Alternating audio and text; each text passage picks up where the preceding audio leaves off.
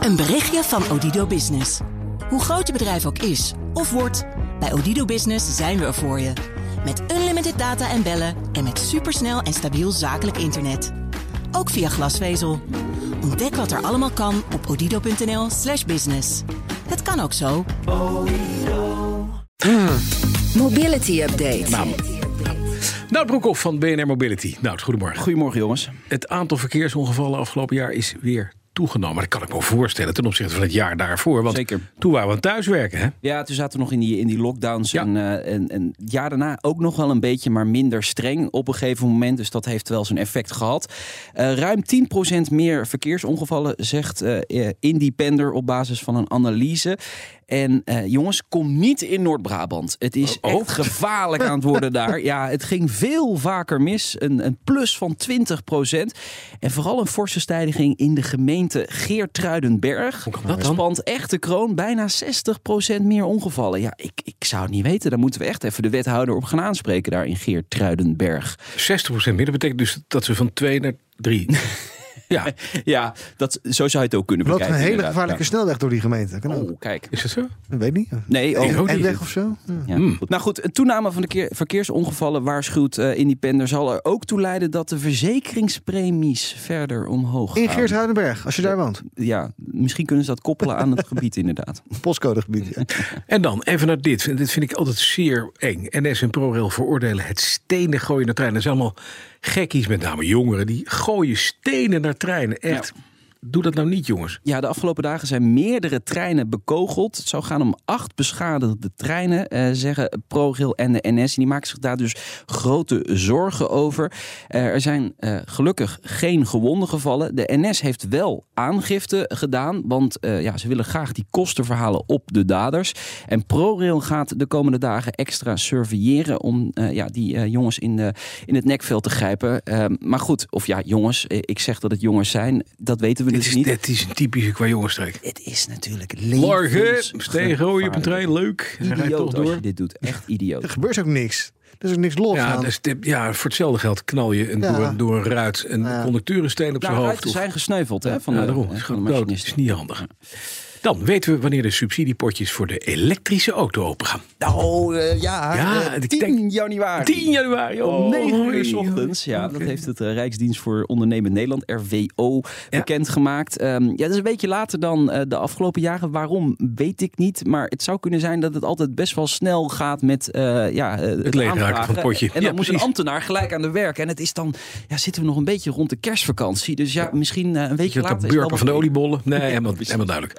Maar in ieder geval, hoe groot is die subsidiepot? Ja, nou, ehm, best groot. Bijna 100 miljoen euro. Zo. Dat is 8 miljoen euro meer dan eh, het jaar eh, daarvoor. En een aanzienlijk grote deel gaat nu ook naar eh, de aanschaf van gebruikte elektrische auto's.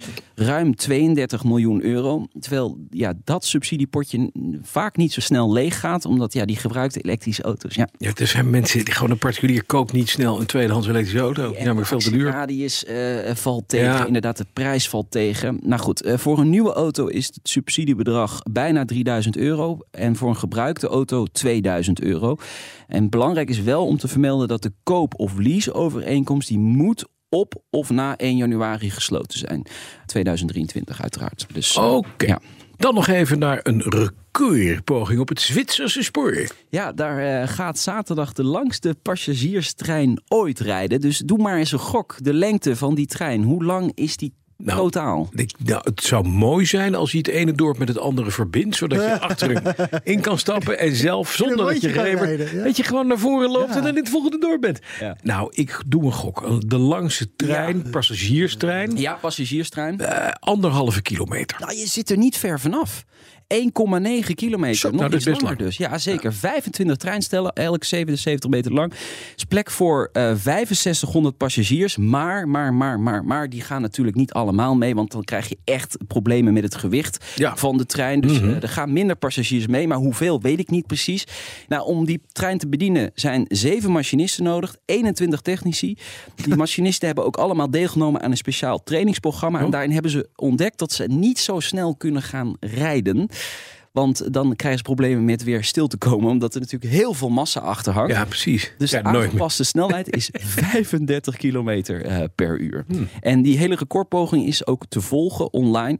Dus eh, nou, zaterdag gaan alle eh, treinliefhebbers natuurlijk eh, dat volgen. Dat kan niet anders. Zou het wel hilarisch zijn als die dan tussen twee stations staat, inderdaad waar de afstand minder dan twee kilometer is, dat die, dat, dat die trein op twee stations Precies. tegelijkertijd staat. Dat je dan gewoon Ja. stilstaat. Ja, verder niks doen. En vooral Heerlijk. geen bergafwaartse tracés. Nee.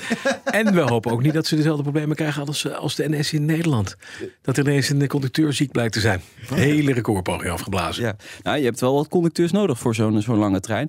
Ik probeer er nog op te zoeken hoe het nou precies zit. Van, eh, Mhm. Waarom doen ze dit? Het kan ik niet vinden. Het is gewoon leuk. Grenzen verleggen. Hoe lang kun je zo'n trein maken? Ik vind het wel mooi. Zwitsers hebben niets beters te doen. Dat is op zich wel goed. Dat land is af. Dankjewel, Nout Broekhoff. Maandag half drie een nieuwe aflevering van BNR's Mobility. BNR Mobility Update wordt mede mogelijk gemaakt door ALD Automotive en BP Fleet Solutions.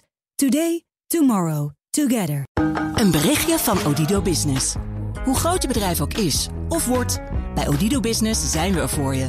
Met unlimited data en bellen en met supersnel en stabiel zakelijk internet. Ook via glasvezel. Ontdek wat er allemaal kan op odido.nl/slash business. Het kan ook zo.